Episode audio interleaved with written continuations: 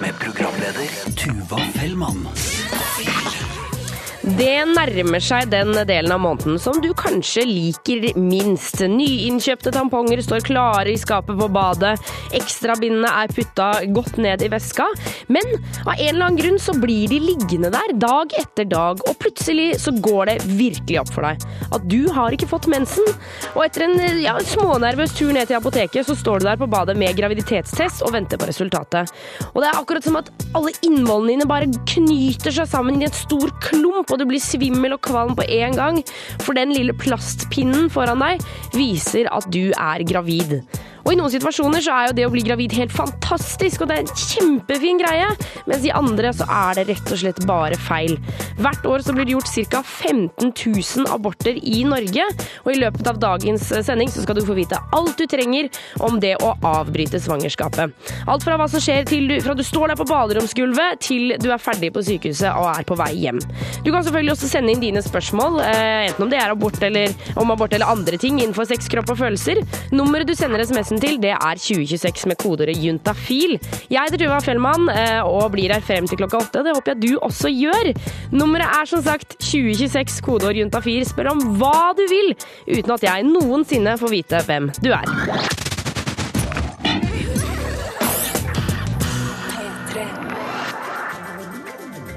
Få svar på dine spørsmål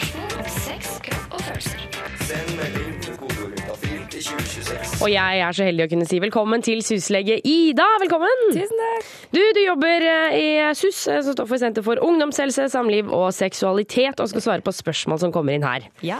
Um, og du, kan, du som hører på, kan sende SMS-en din til 2026, kodeord juntafil. Spør om hva du vil når det kommer til sex, kropp og følelser. Uh, men dagens sending skal handle mye om abort, Ida. Eh, og jeg lurer på, hvis jeg finner ut at jeg er gravid i morgen, eh, og jeg tenker at jeg ikke vil beholde dette barnet, hva gjør jeg da egentlig? ja. Eh, vi får håpe det ikke skjer, da, Tuva. Vi får håpe Sånn det ikke I, I første omgang er det jo det vi prøver på å hindre det i utgangspunktet, med Ja. å bruke prevensjon og sånn.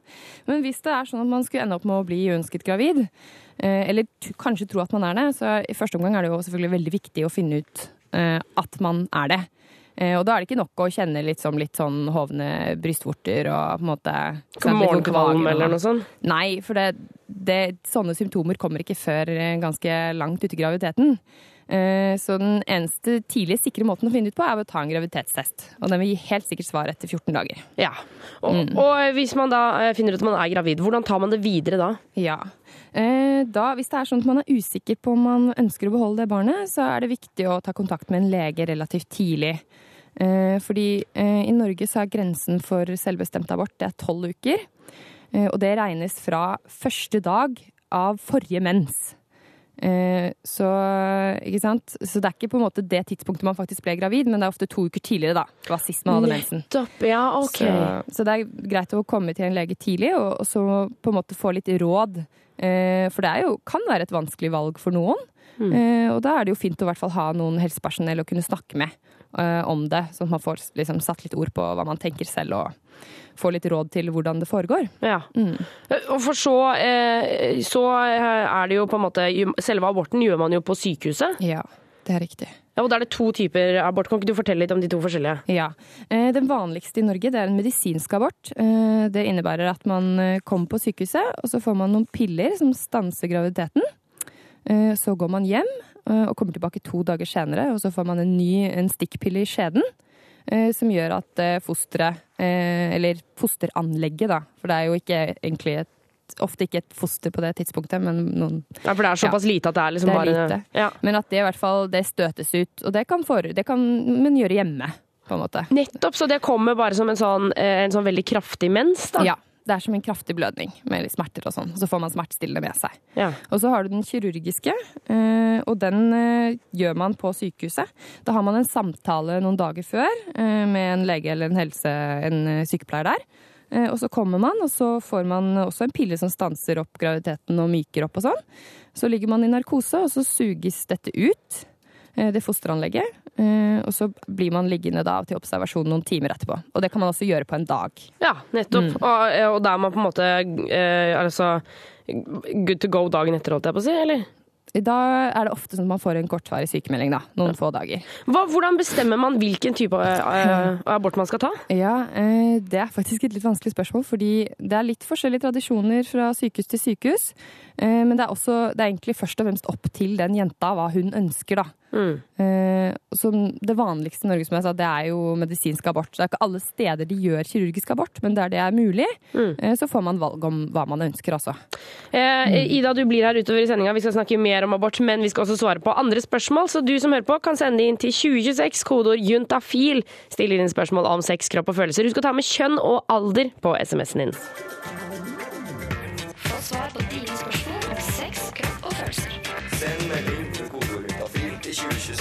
Og syslege Ida skal svare på flere SMS-er. Ja. Eller dette blir den første SMS-en. For forrige, forrige runde var det jo bare jeg som stilte spørsmål. Em, men det har kommet inn til 2026 kodeord juntafil, uh, hvor det står Hei, jeg er en jente på 20. Jeg har to karer jeg dater, men jeg klarer ikke å velge hvilken jeg skal ta. Har lyst på begge. He-he. Hilsen jente 20. Ja, jeg, jeg forstår ikke helt problemet, jeg. Nei, ja, Du mener at det er helt greit? Herregud. Nei, altså, det er klart eh, Det virker jo som hun har lyst til å velge én, da. Ja, På en måte, Hun vil ha én. det er jo veldig slitsomt å date to stykker på en gang. Ja, det kan være litt slitsomt for de også, kanskje. Eller eh, det er jo ikke sikkert de vet det, da. Nei. Men jeg tenker sånn, det er jo ofte, man vil jo ofte ikke finne seg i å dele med andre. Nei. Eh, så nei, det er, det er jo ikke lett. Det er jo bare hun som kan ta det valget. Men hva kan hun gjøre? Altså, jeg tenker sånn for og mot-lister. Ja, Det er jo Ja. en klassisk greie, men altså, det funker jo. ja, og ikke sant eh, Om hun ikke allerede har en magefølelse, har hun antagelig, så Ja. kan på en måte en sånn for og mot-liste eh, i hvert fall bidra til å liksom belyse det, da. Eh, så det, det, det, er en, det er et tips. Eh, og så ellers, ja, så tenker jeg at eh, hun kan bruke litt tid, men jeg tenk, hun kan, må jo på et eller annet tidspunkt være litt ærlig med disse gutta, da. Ja, altså noe, På et eller annet punkt så må du si at vet du hva, faktisk så er det liksom, det er en til her, da. For det er jo ikke Ja. Hvis noen hadde gjort det der mot meg, så hadde jeg blitt kjempesint og Ja. kjempelei meg. Og da, ikke sant, hvis hun spiller det spillet lenge, så risikerer hun jo å miste begge to. Så på et eller annet tidspunkt så må hun jo bare satse på den hun tror det vil fungere best med. Ja, jeg, jeg tenker at eh, det det går an å bestemme seg eh, i hodet for én. Mm. Bestemme at nå tar jeg Morten, det er Morten jeg skal bli sammen med. Og så trenger du ikke nødvendigvis å si dette til Morten, men at man bare tenker det en hel dag. Ja. Da får jeg alltid litt sånn der eh, enten sånn nei, vet du hva, det er ikke dette jeg skal, eller sånn å, vet du hva, Morten, herregud, det er han jeg vil ha. Men det kan jo være det bare er det som skal til. At hun sier vet du hva, nå velger jeg han ene, og så dropp, nå bruker jeg ikke mer tid, nå tar jeg en pause fra han andre. Og så finner, Da får hun liksom ro på seg, får fjernet litt sånn distraherende elementer, og så finner man kanskje ut Passer jeg og Morten sammen? Ikke sant? sant? Jeg heier på Morten, jeg, altså. eh, masse lykke til til Jente 20. Og herregud, hvis du har eh, to gutter svirrende rundt seg, så, eh, så er jo det egentlig bare tipp topp for selvtilliten, tenker nå jeg. Hadde jeg tenkt, i hvert fall. Ja, det gjør ikke noe, det, tror jeg. Juntafil med Tuva Fellmann på P3. Chloé Hall med låta 'Rumor' fikk du her på Juntafil på NRK P3. Og det er mange måter å bli gravid på. Noen planlegger det i flere år og venter til de har fast inntekt og fast partner.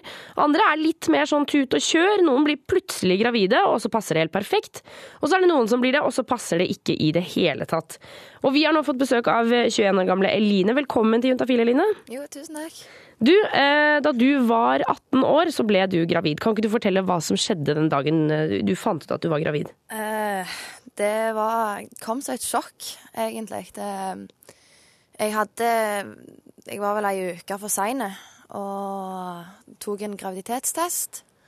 Og den kom fram som positiv, så jeg lå så å si på gulvet og grein i hvert fall en 20 minutter. Ja, såpass, ja. Men eh, hva, hva, tenk, hva tenkte du, liksom? Jeg tenkte hvordan skal jeg klare å fortelle dette her til foreldrene mine?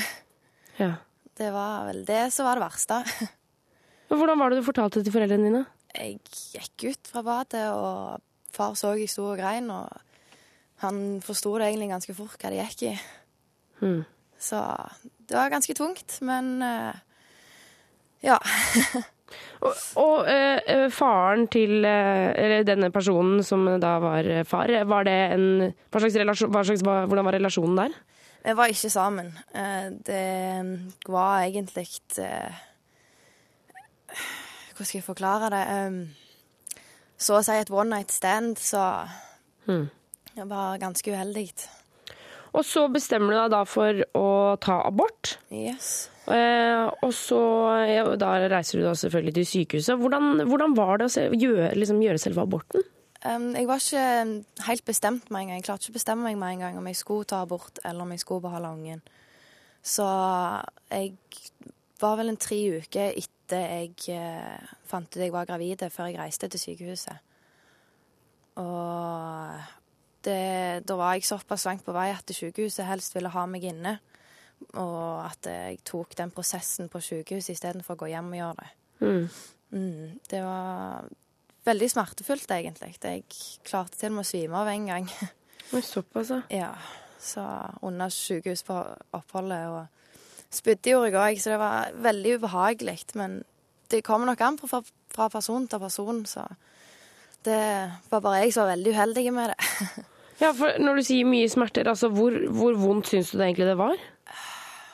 Jeg prøvde å sove vekk ganske mye. Jeg fikk veldig mye smertestillende. Og jeg tror det var det som gjorde at jeg svimte av, da. Jeg eh, hadde ikke spist noe dagen, eller den- den dagen jeg var inne, og jeg eh, blødde jo ekstremt mye, og i tillegg til det så fikk jeg veldig mye smertestillende, for jeg hadde så vondt. Mm. Så da tror jeg det var det som gjorde at jeg svimte av.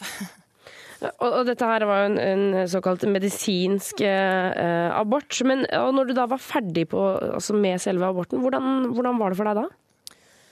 Uh, jeg sleit veldig mye med det. Uh, det gjør jeg jo fremdeles ennå. Uh, men eh, jeg gikk i hvert fall i en måned der jeg fremdeles holdt på å blø. Og det kom veldig mye av og på hele tida, og det ville ikke helt slutte å blø. Og jeg hadde veldig mye kramper og lå veldig mye i senga, og jeg orka ikke gjøre noen ting. Eh, Eline, du skal bli her på Juntafil en stund til, eh, for du ble også gravid igjen senere. Eh, vi skal høre hvordan det gikk, men aller først så får du Madrugada her på Juntafil.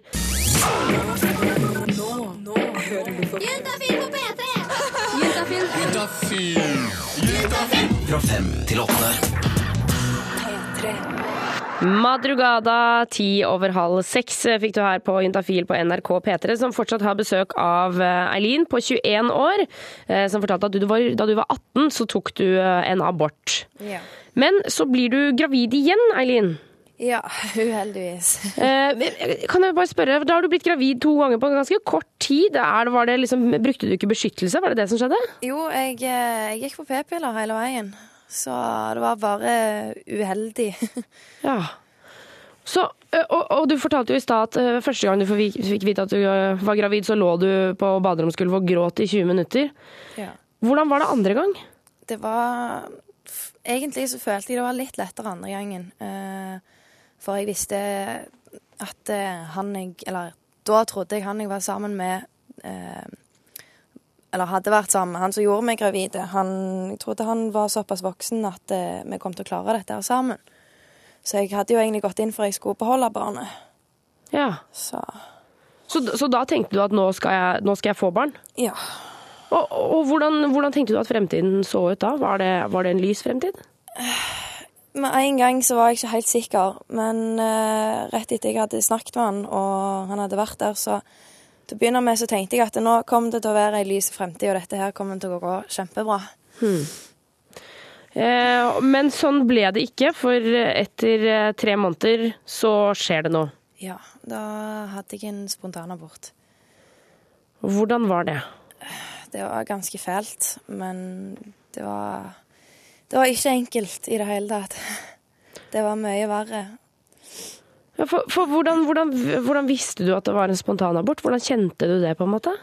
Eh, Jeg våkna den morgenen det skjedde, så våkna jeg klokka sju av at jeg hadde ekstreme smerter i magen. eh, Nedre delen av magen. Og jeg eh, Jeg var veldig kvalm og våkna og tok vekk dyna, og der var det masse blod. og blødde mye, og forsto da at nå hadde jeg en spontanabort. Og, og, og da hadde du jo på en måte tenkt, da hadde du jo tenkt at du skulle få barn. Hvordan følelse satt du med da? Det var ganske tungt. Det var veldig tungt. Mor hadde allerede begynt å strikke babyteppe, og vi hadde virkelig gått inn for at dette her skulle gå bra. Så det var veldig vanskelig. Ja. Eh, og altså hvor, hvor lenge på en måte holdt Eller hvor lenge liksom gikk du og tenkte på det i lag, liksom hele tiden? Eh, du mener etterpå? Ja. Ja, jeg, eh, jeg var sykemeldt i fire måneder etterpå. og jeg var veldig mye inn og ut på sykehuset, for det ville ikke helt gi seg. Eh, jeg blødde mye fremdeles, og jeg hadde fremdeles rester i to måneder etterpå. Og det gikk veldig mye på psyken òg. Jeg lå mye på rommet. Jeg var for det meste bare på rommet de fire månedene og orka ikke gjøre noen ting. Det her høres jo helt forferdelig ut. Eline, du skal uh, bli her uh, en stund til. Uh, jeg vil bare si tusen takk for at du vil komme og fortelle om dette her. Ja. Det syns jeg er ganske imponerende. Juntafil på P3. Det var Le Metre med Continuum her på, eh, på P3. På Juntafil er programmet du hører på. Og vi har fortsatt besøk av Eline på 21 år. eh, Og Eline fortalte at du tok en eh, medisinsk abort da du var 18 år. Eh, Og så ble du igjen gravid og spontanaborterte.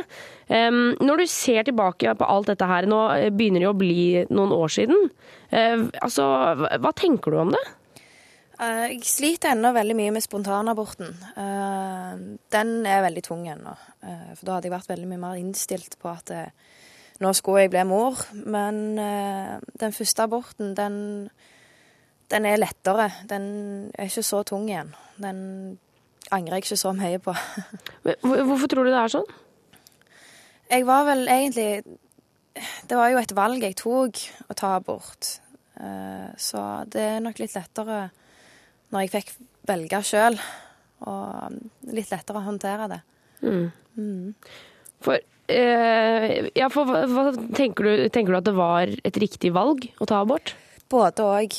Noen ganger så syns jeg det var veldig riktig, og noen ganger så var det ikke det. Når var det det ikke var det? Spesielt i de siste to årene. Men det første året så var det veldig mye lettere å håndtere alt. Og ja Jeg fikk lov til å være unge litt lenger, i hvert fall.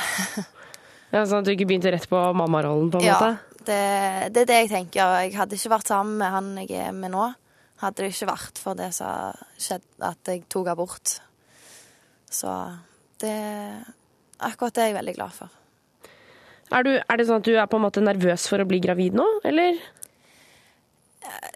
Jeg vet ikke helt hvordan jeg skal svare på det. Jeg eh, Både òg, kanskje. Jeg, eh, men han jeg er sammen med nå, vet jeg at eh, ikke ville, sprunget av gårde. Og han ville heller ikke sagt at jeg skulle tatt abort. Han ville vært der sammen med meg. Og vi hadde klart det fint sammen. Det vet jeg. Det høres ut som en eh, bra, bra fyr. Eh, Du, tusen, tusen takk for at du kom innom Juntafil i dag. Jo, det var bare hyggelig. Og masse, masse lykke til videre. Tusen takk.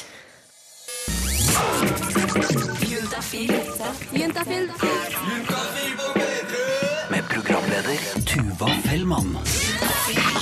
For det er fortsatt jeg, ja, Tuva Fellmann, som sitter her og passer på at du får en god dose med flauhet på denne fabelaktige torsdagen. Ehm, for det er noe med dette, med dette med sex at det må på en måte prates om. Eh, Det er i hvert fall veldig lurt, både for at du skal få noen forhåndsregler, kanskje få litt mer selvtillit, og generelt vite hva du skal gjøre. Det er egentlig ganske rart at det blir så mye vanskelig prat ut av noe som egentlig bare skal være hyggelig. Det har jeg tenkt mye på.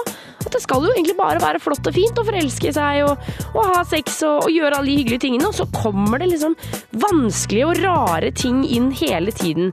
Det må vi rett og slett ta tak i, da. Og så er det jo til tider også ganske morsomt å prate også om også, spør du meg. Det er jo derfor jeg elsker jobben min. Jeg husker godt da vi fikk melding fra en jente for en stund siden som trodde hun hadde fått senebetennelse i armen fordi hun hadde fingra så mye. Og da tenker jeg ja ja, det, det liker jeg veldig, veldig godt. Da snakker vi ivrig. Eh, Du kan sende inn dine spørsmål du også, enten om det er om eh, kukost, utslett eller forelskelse.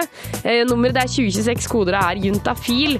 Husk å ta med kjønn og alder, for jeg eh, bare det eneste jeg og Sysle Gida får opp på dataskjermene våre, er det du skriver i den tekstmeldingen, og tidspunktet det har kommet. Ikke noe navn, ikke noe nummer, noen, noen ting, så da må du ta med kjønn og alder. Vi blir her frem til klokka åtte, og gleder oss masse til det.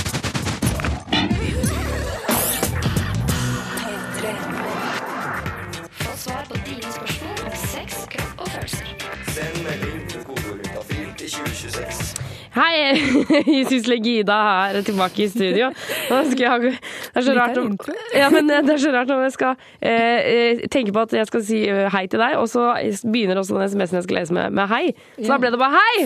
Eh, men eh, man kan sende SMS til 2026, kodeord juntafil, og stille spørsmål om sex, kropp og følelser. Og meldingen vi har fått inn, lyder eh, som dette. Hei, jeg er fire uker på vei. Har snakket med legen min, som anbefaler meg å ikke ta abort. Er det noen konsekvenser? Hvordan kan jeg forresten hindre at jeg blir gravid igjen etterpå? Har brukt p-piller, men det er lett å slurve. Hilsen jente 21. Ja, det var mange spørsmål. Um, Først, det, dette med legen som anbefaler å ikke ta abort. Ja, det er litt påfallende. Eh, Det er jo ikke legens bord å velge på vegne av henne.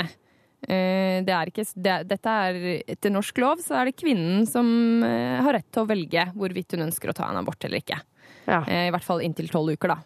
Ikke sant? Så, så det å, å være som, som lege å si at 'jeg syns ikke du burde ta abort', det er på en måte feil å gjøre. Det er litt bekymringsverdig. Det, det, det, det skal ikke legen gjøre. Det er feil. Okay. Så det, da bør man kanskje følge litt med på denne legen, da. Ja. Eh, Men eh, jeg tenker, og det er også sånn at leger skal gi informasjon om abort, og de skal også kunne henvise. Eh, så det er også på en måte ifølge loven, da. Ja. Men så står det jo i SMS-en 'er det noen konsekvenser'? For det lurer jeg altså på. Er det, på en måte, er det noe farlig ved å ta abort? Ja, det er ikke noe sånn eh, Hvis hun tenker på dette med senere fruktbarhet og sånn, eh, så, så reduserer ikke en abort eh, mulighetene for å få barn senere. Med mindre man får noen sånn veldig sjeldne komplikasjoner.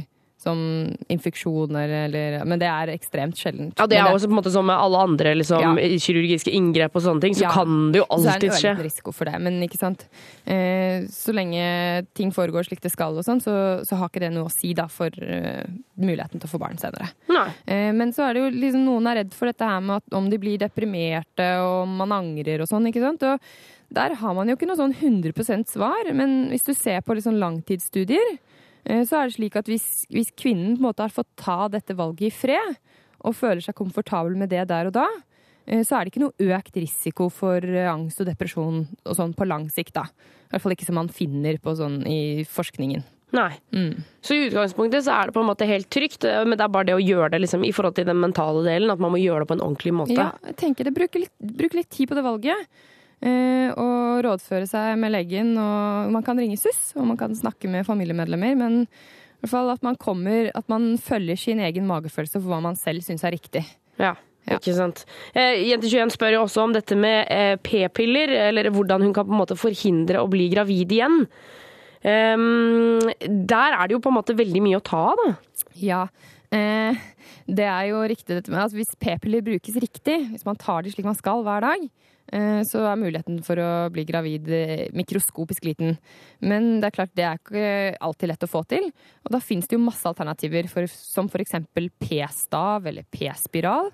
Og det, det kan man, når man faktisk tar den aborten, så kan man også be om å kunne få en sånn spiral satt inn samtidig under inngrepet hvis man tar en kirurgisk abort. Nettopp. Så det, dette, hvis, dette blir en hvis det blir sånn at hun tenker at hun kommer til å ta, ta en abort, så kan hun også ta opp det med legen samtidig, da. Ikke sant. Mm.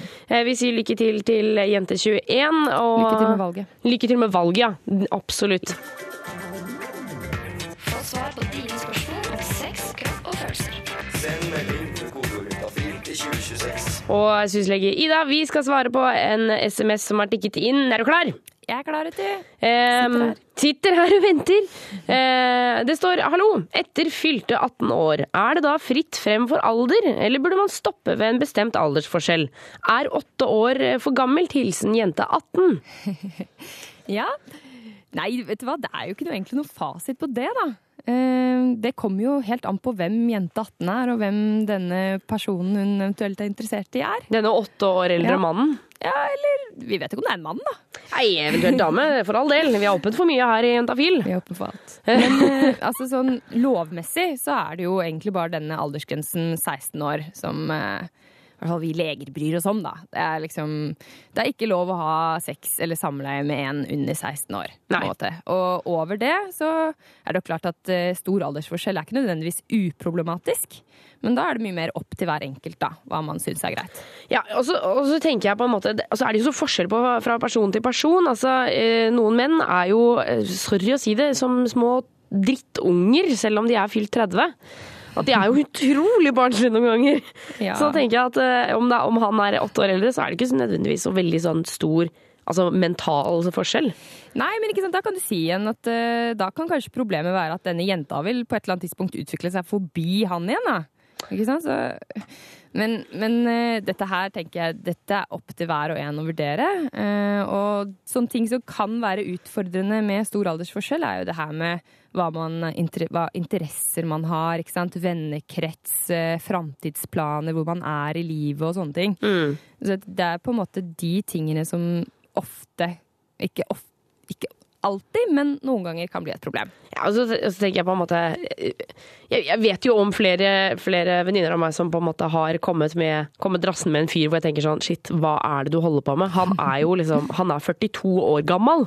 Du må Ja. kutte ut. Han er altfor gammel for deg. Men så er det liksom et eller annet sånn Så ser jeg i øynene, så er det bare sånn stjerner av kjærlighet. Da tenker jeg at da må det jo på en måte være greit. Selv om det kanskje er vanskelig, da.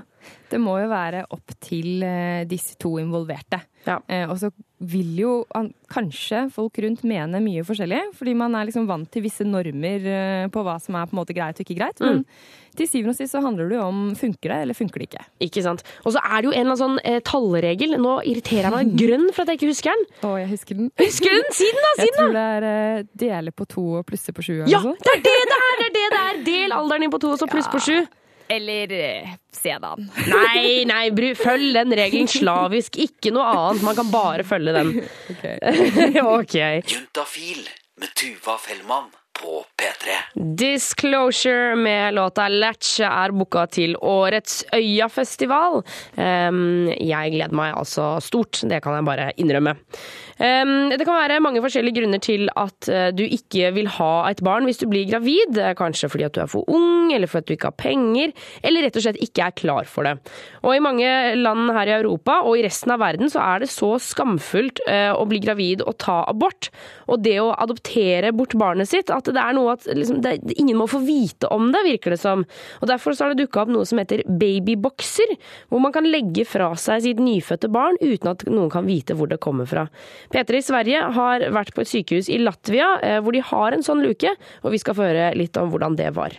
I can imagine that women are thinking uh, that maybe somebody will see her, somebody will try to stop her, somebody will try to punish her. Odite Kanjepanna Vanaga jobber på et sykehus i Latvia hvor de har en babyboks. En hvit og grønn luke som står litt på sida av sykehuset og egentlig minner litt om en sånn dunk hvor vi kaster glass og metall. Bare at her så kaster man ikke hermetikkbokser. Her legger man fra seg en baby. I can imagine that she was very, very lonely. And I don't know how the woman can live further on in her life when she did it. Og når en baby dumper ned i luka, så skjer det her. Og Odite eller en av hennes kollegaer kommer løpende.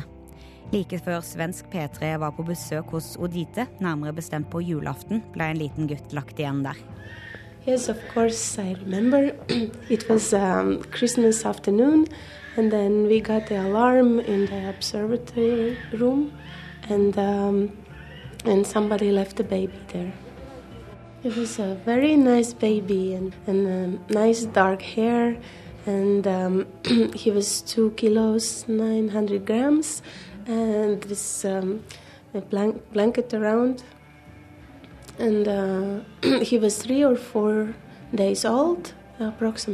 Men denne mora her var ikke den første som fulgte skilta til den hvite og grønne luka.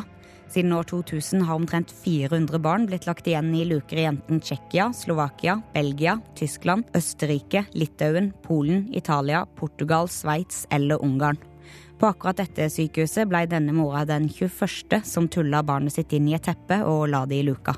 It's already 21 baby in baby box. It's like one class in school in Latvia. Og selv om elleve land i Europa har babybokser, så er det ikke alle som er enig i at det er bra. For FN sin barnekonvensjon sier at alle barn skal vite hvem foreldra deres er. Og det får de jo ikke når foreldre bare kan dumpe ungene sine uten å si navna sine.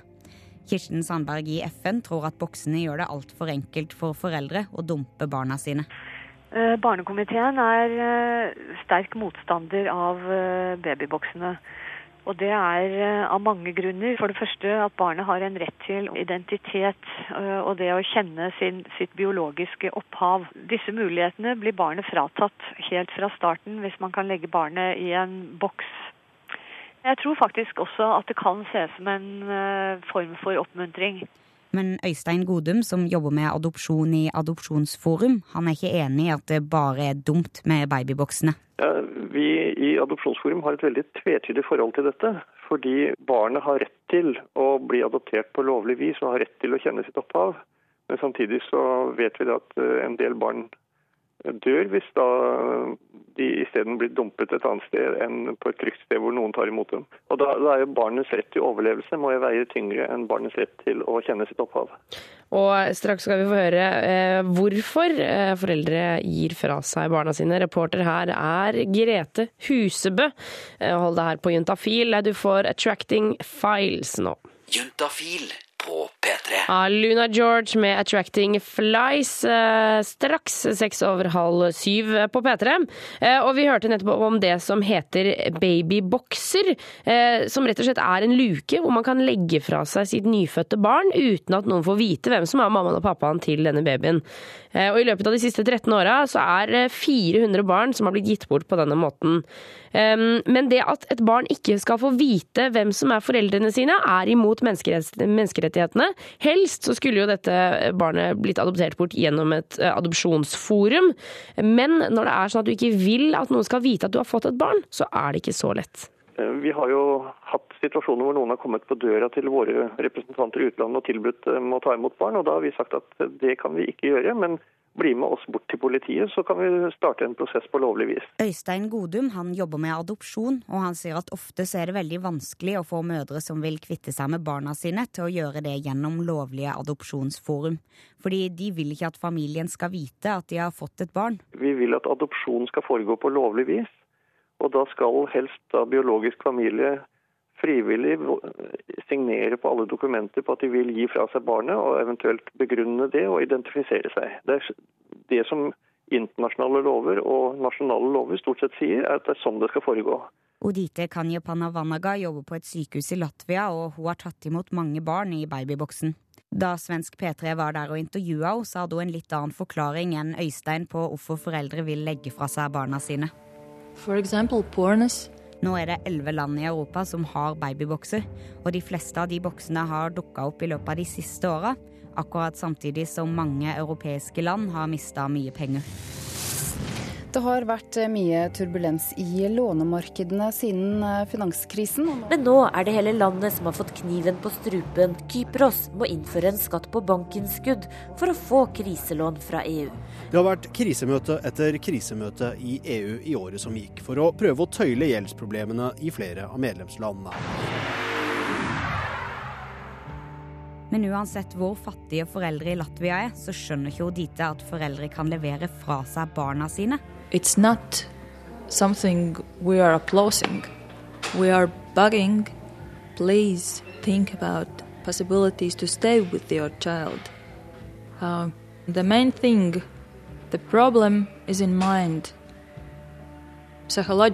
health.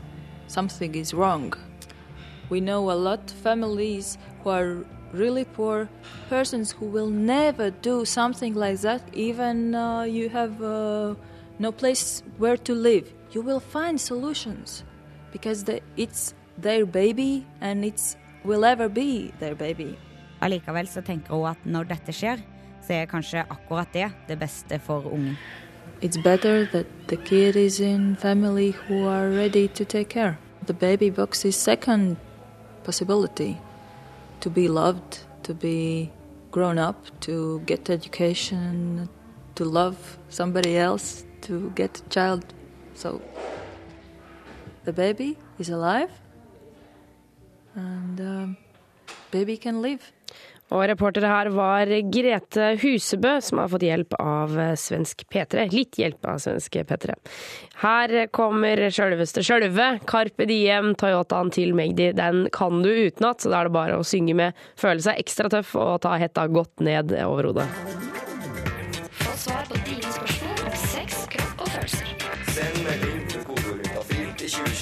Og syslege Ida er tilbake i studio. Ida jeg begynner å bli forkjøla. Er det noe man kan gjøre sånn akutt når man føler seg litt sånn snufsete? Eh, drikke mye vann og tar nok C-vitamin. Nok C-vitamin, ja. OK, ja, OK. Men den forkjølelsen den må jo bare komme når den kommer, og så tar det et par dager, så er det over. Ok. Kunne nesten hatt sånn eh, spørsmål fra Tuvas liv eh, her i Tre timer i stedet. Eh, Men vi har fått en SMS på 2026 kodeord juntafil eh, hvor det står Hei, jeg er en jente på 29 år. De siste to årene har min menssyklus blitt litt merkelig. Det begynte med at jeg fikk en minimens som varte en dag eller to imellom min vanlige mens. Nå har jeg altså to vanlige mens i måneden, omtrent med to ukers mellomrom. Jeg bruker p-piller, men mellommensen kommer likevel. Hva skjer? Betyr det at jeg ikke vil kunne få barn? Er det noe jeg kan gjøre for å få fikset denne syklusen så den blir normal igjen?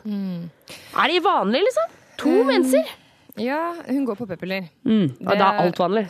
Det er veldig viktig poeng, fordi eh, p-piller de kamuflerer den vanlige menstruasjonssyklusen. Så alt som skjer på p-pillene, det, det er ikke det samme som ville skjedd hvis hun ikke ville gått på p-piller. Eh, så hun trenger ikke liksom stresse masse med Oi, betyr dette at jeg ikke kan bli gravid, og at noe er galt og sånn. Mm.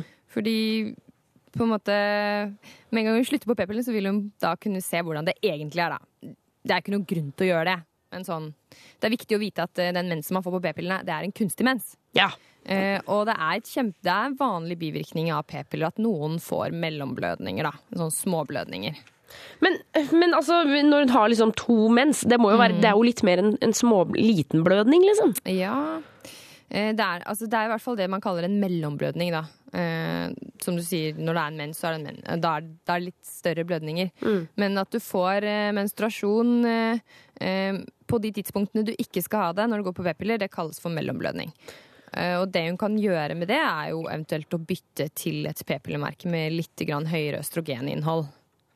Ja, altså, det vil si altså Jeg skjønner ikke det østrogengreiene, egentlig, men, eh, men da må hun bare spørre legen sin. Da. Jeg må ha mer østrogen, liksom. Nettopp. Det var All right. Så da sier vi lykke til, da. Men går det an at hun kan hun begynne på p-stav eller p-ring eller noe sånt? Ja, men det vil ofte, i hvert fall p-stav gir, mer sånn blødningsproblemer. Men, men hun, må hvert fall, hun kan i hvert fall bytte, eh, og det kan hjelpe henne. Og så er det én ting til som er viktig hvis hun har hatt samleie uten å bruke kondom. Så må hun sjekke om det er en annen grunn til blødningene, som f.eks. klamydia. Nettopp. Herregud, klamydiaen snor seg inn overalt, altså. Snor seg inn, men bare snakk med legen og, og få ordna p-pillene dine, og sjekk at det ikke er noen annen grunn til at hun blør. Ok. Eh, nummer inn er 2026, koder er juntafil. Husk å ta med kjønn og alder på SMS-en din. Her får du Green Garden. Juntafil på P3. Bruno Mars med lagt out of heaven, og sprettende og hoppende inn så kommer Hør forskjell på dere to. det var veldig fint på slutten der. Eh, Jonas Jeremiassen Tomter, produsent. Velkommen inn. Eller ja, du har jo sittet her hele tiden. Sitter her hele tiden jeg, og sett på dette og hørt på dette flotte radioprogrammet. Og, men kjent en liten kribling eh, langt der inne i kroppen et sted. Inni skrotten? Er det ikke på tide med en konkurranse, har jeg tenkt. Du ikke, eh, har, du, har du trykt på en konkurranse Hvem lesper live-elementet? På programspilleren til eh, www.radio.nrk.no? Jeg har gjort det nå. Ja. For da er det jo sånn at hvis du går inn på den utrolig viklete altså, radio.nrk.no, så kan du nå se på en måte hva som skjer da på denne spilleren. Alle i NRK elsker denne spilleren. Jeg tror hvis, hvis man kunne ligget med den spilleren, så tror jeg så å si alle som har vært ansatt mer enn to år i NRK, har lyst til å ligge med den spilleren. Skal jeg røpe noe? Ja, røp. I går lå jeg med den spilleren. Gjorde du? Jeg lå i senga, og så hørte jeg på en radiosending. For det, det som er med denne radiospilleren, hvorfor den er så fantastisk, er for at nå kan du gå tilbake igjen og høre eh, tre-fire uker tilbake igjen i tid hvilken som helst radiosending du vil. Og du får høre det med musikk. Men er dette en reklame for den spilleren? Var det derfor du kom inn? It was not. I'm here for the lesbian.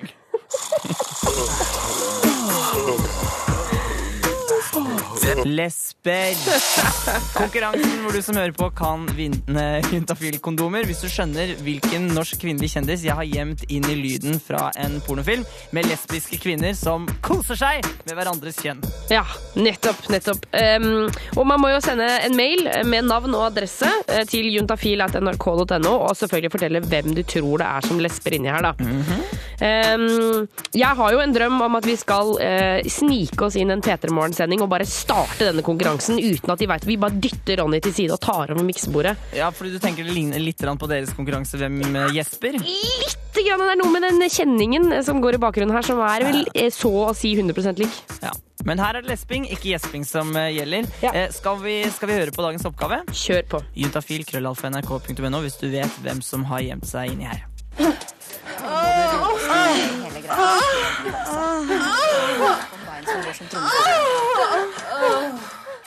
Ja, hvem var det der, du? Det var et godt spørsmål. Hørte du det? Nei, men jeg er jo så jæskla dårlig på kjendiser. Men har du lyst på å komme med tips, eller? Ja, De siste gangene så har jeg vært så streng, så da har det vært kanskje litt for vanskelig. Så i Mm. dag så gir jeg et eh, jeg begynner, vi, ta, vi tar noen runder til, men, men eh, jeg kan gi et tips om hun har mørkt hår. Hun har mørkt hår. Får vi høre det en gang til? Yes, Juntafil, krøllalfa.nrk.no, hvis du vet hvem som har gjemt seg inn i lesbelyden.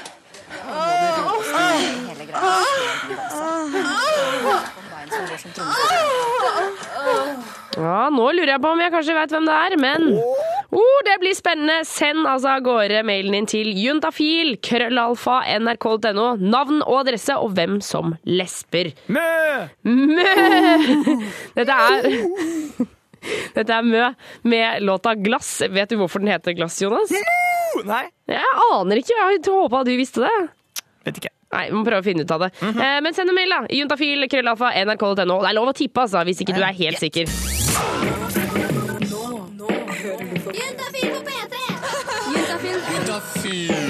Med Tuva Fellmann. Mø med låta Glass. Hvorfor heter den Glass, da? Ja, det var det. Jeg breska meg, sa at jeg skulle finne ut hvorfor den heter Glass. Men altså, jeg ble eh, såpass sjokkert da jeg søkte opp dette her. Altså, for jeg har jo alltid tenkt at det er Mø. Som i mu, liksom. Det er Karen Marie eh, Ørsted som er dansk, og derfor det er aka Mø. Um, så Derfor så ble jeg så opptatt av det, og da tenker jeg at det kan hende at det, ja, Jeg var mer opptatt av det da, så jeg dreit i det der med glass. Jeg brydde meg ikke noe om det. Jeg vil at det skal være ku, ikke Ja, ja, men vi kan late som, Jonas. Vi kan late som. Du er som et lite barn. Kom igjen, sett i gang konkurranse! Ja, men bare før vi eh, Ja, vi setter i gang konkurranse.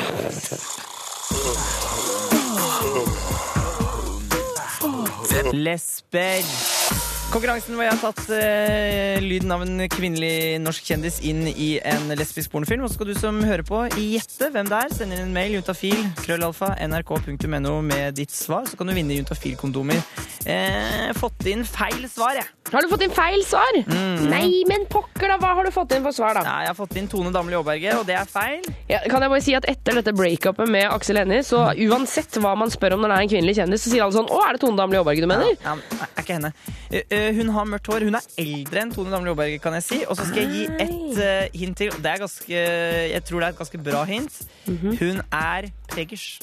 Hun er preggers! Juntafil krøllalfa nrk.no hvis du vet hvem dette er.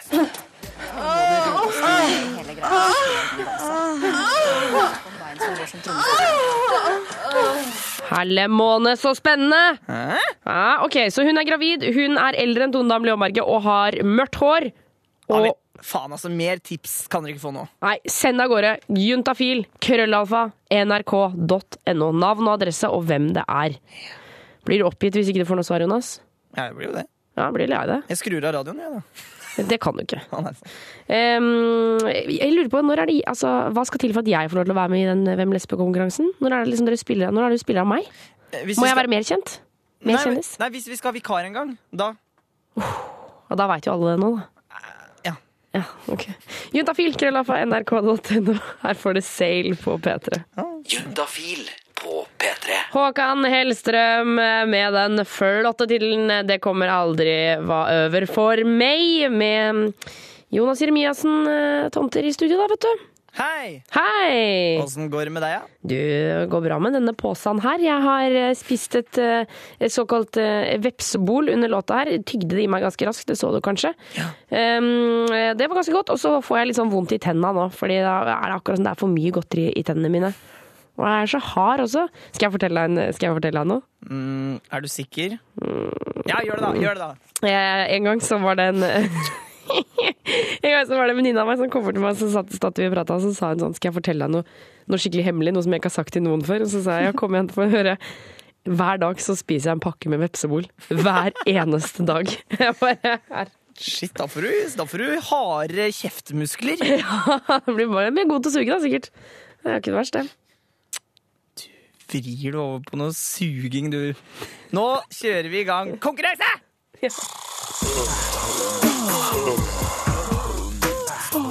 Lesber. Vi har endelig kommet til løsningens time. Jeg har tatt lyden av en norsk kvinnelig kjendis inn i lyden av lesbiske kvinner som koser seg i bingen. Og så skal du som hører på prøve å gjette hvem denne kjendisen er, og sende inn en mail til oss juntafil.nrk.no med forslaget. Og vinneren får juntafil-kondomer i postkassa. Ah, Fytti katta, de er så fine, juntafil-kondomene. Skal vi, skal vi høre oppgaven en siste gang, og så kommer løsningen? Kom igjen.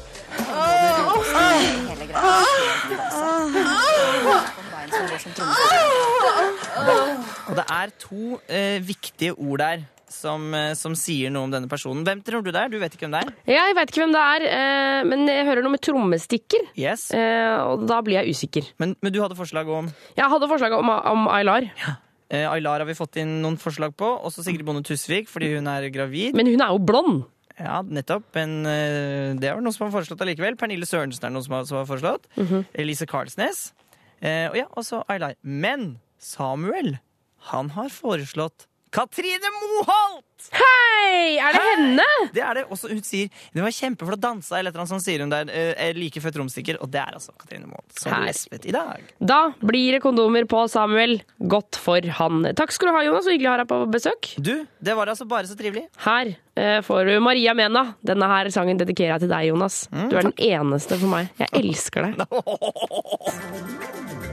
Få svar på dine spørsmål om sex, kropp og følelser. Send melding Og syslege Ida er tilbake i studio. Em, og du skal svare på SMS-er som eh, kommer inn, og vi har fått inn en melding her hvor det står Hei. Har et voldsomt stort problem med å komme etter 20 sekunder. Det har jeg gjort siden jeg begynte å onanere. Det er jævlig pinlig, rett og slett. Hver gang jeg har sex. Hva er feil med meg? Hilsen gutt 19. Ja, eh, det trenger ikke være noe feil med han. Eh, Det er et ganske vanlig problem det er. Ja. ja altså fordi det, Tidlig ejakulasjon. Det er jo kanskje et av de spørsmålene vi får eh, altså, Jeg får det så ofte med gutter som føler at de kommer for tidlig. Mm. Um, men 20 sekunder er jo også ganske kjapt, da. Ja. Nå vet vi jo ikke om han har telt sekundene, selvfølgelig. Det virker sånn. det kan virke sånn. Men det er, veldig, det er et poeng, det, for det er veldig mange som sier at det går så kjempefort, og så tenker man at det er kjempefort, men så er det kanskje ikke det. Et par minutter er ganske vanlig, det, altså. Men 20 sekunder er litt kort. Det er jeg enig i. Men, men hva- han spør hva er feil med meg? Altså, hva, hvorfor er det sånn at noen kommer før andre? holdt jeg på å si? Det har ofte med litt sånn nervøsitet å gjøre. eh, Og kanskje også på en måte litt sånn umodenhet. At han ikke har liksom trent opp den evnen. da. Så, Mm. Vil det da si at de som på en måte eh, har hatt masse sex, da, de holder lenger, liksom? Nei, det kan ikke være det. For det er så mange ting som må klaffe. da. Du må, du må være trygg på den dama du er sammen med, eller ja, dama i det, kanskje, i dette tilfellet. Eh, men eh, Og du må slappe av i kroppen. Det er mange ting som skal klaffe, da. Eh, ofte så kan det hjelpe å ha hatt eh, samme partner, fast partner en stund før dette her begynner å, å komme seg. da. Men eh, sånn tips til han er jo å Han kan onanere tidligere på dagen, samme dag, hvis han vet at han skal ha sex den kvelden. Mhm. eh, og så er det alltid et tips å bruke kondom, for det nedsetter følsomheten litt. Grann. Ja, det finnes jo de kondomene med sånn bedøvelsesmiddel Mhm. også. Til og med. Det, det, også, det kan han bruke hvis problemet er såpass at han kanskje trenger det. Eh, og så er det noe som heter start-stopp-teknikken.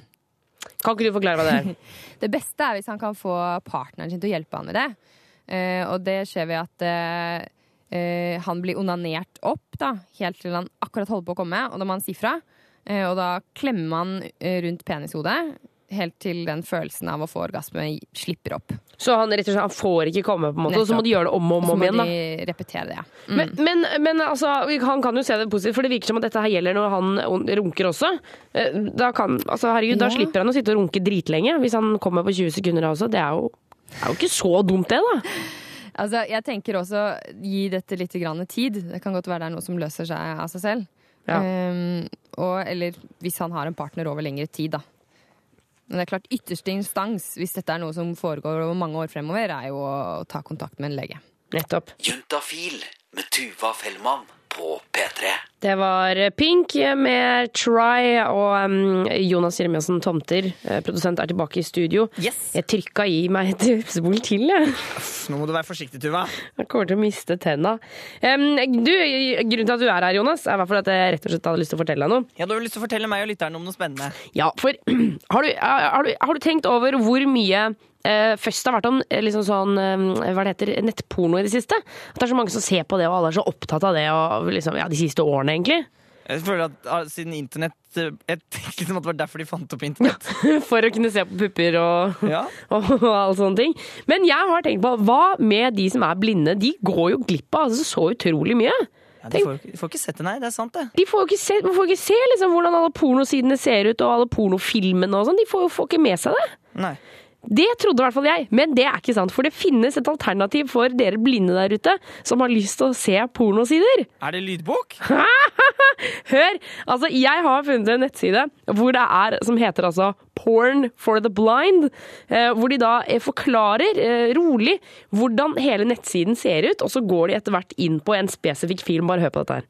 The woman is now standing alongside a private swimming pool, completely naked. The camera is slightly below her bust, and we view her at a three-fourths angle. She hops up and down, seemingly in slow motion. Her breasts bounce as she stares out past the camera. The man, off screen, asks her if this is an early tip, and she lets out a knowing, deviant Er chuckle. ikke dette rart? The man appears Jeg lukker igjen øynene og prøver å bli kåt. and reaches around and fondles her breasts, commenting on their size. He asks her if she is doing this so she does not have to make a car repair payment. They both bend forward slightly, and while he is mostly obscured by her and the close up of her breasts, we can see that he is running his hand slowly up and down her leg. Oh. Klarer du å bli kåt? Nei. Nettopp. Og det er altså lydklipp som er så lange. Det er, det er, liksom, det er mange timer med sånn prating. Er ikke det rart? Men hvis, hvis jeg liksom skulle vært Jeg syns det er en kjempegod idé. Mm. Eh, og kremmeren i meg har lyst til å tjene penger på det. Men, men, men jeg, hadde valgt, jeg hadde valgt litt mer sånn her stemme, liksom. Jeg hadde gått litt nærere mikrofonen. Kanskje hatt en gutt og en jente som snakka sammen, ikke sant? Ja, men og kanskje gjort det med noe. Ja, altså sånn Det, det er bare sånn Kvinnen står der opp og ned. Ja. Puppene hennes hopper opp og ned. Han tar på dem. Det er liksom sånn Kom igjen, da! Du Han må tar på gi- puppene hardt. Å, å, så godt, sier hun. Mm, mm, mm. Nei, men jeg syns det er så fint. Jeg, jeg blir sittende og høre på disse klippene veldig veldig lenge. Porn for the blind, var det det? Ja, det var det, altså. -hmm. Kymser ikke av det. Her får du bom, bom, blam, blam, blam. Han er litt av en type. Snakkas han her på Juntafil.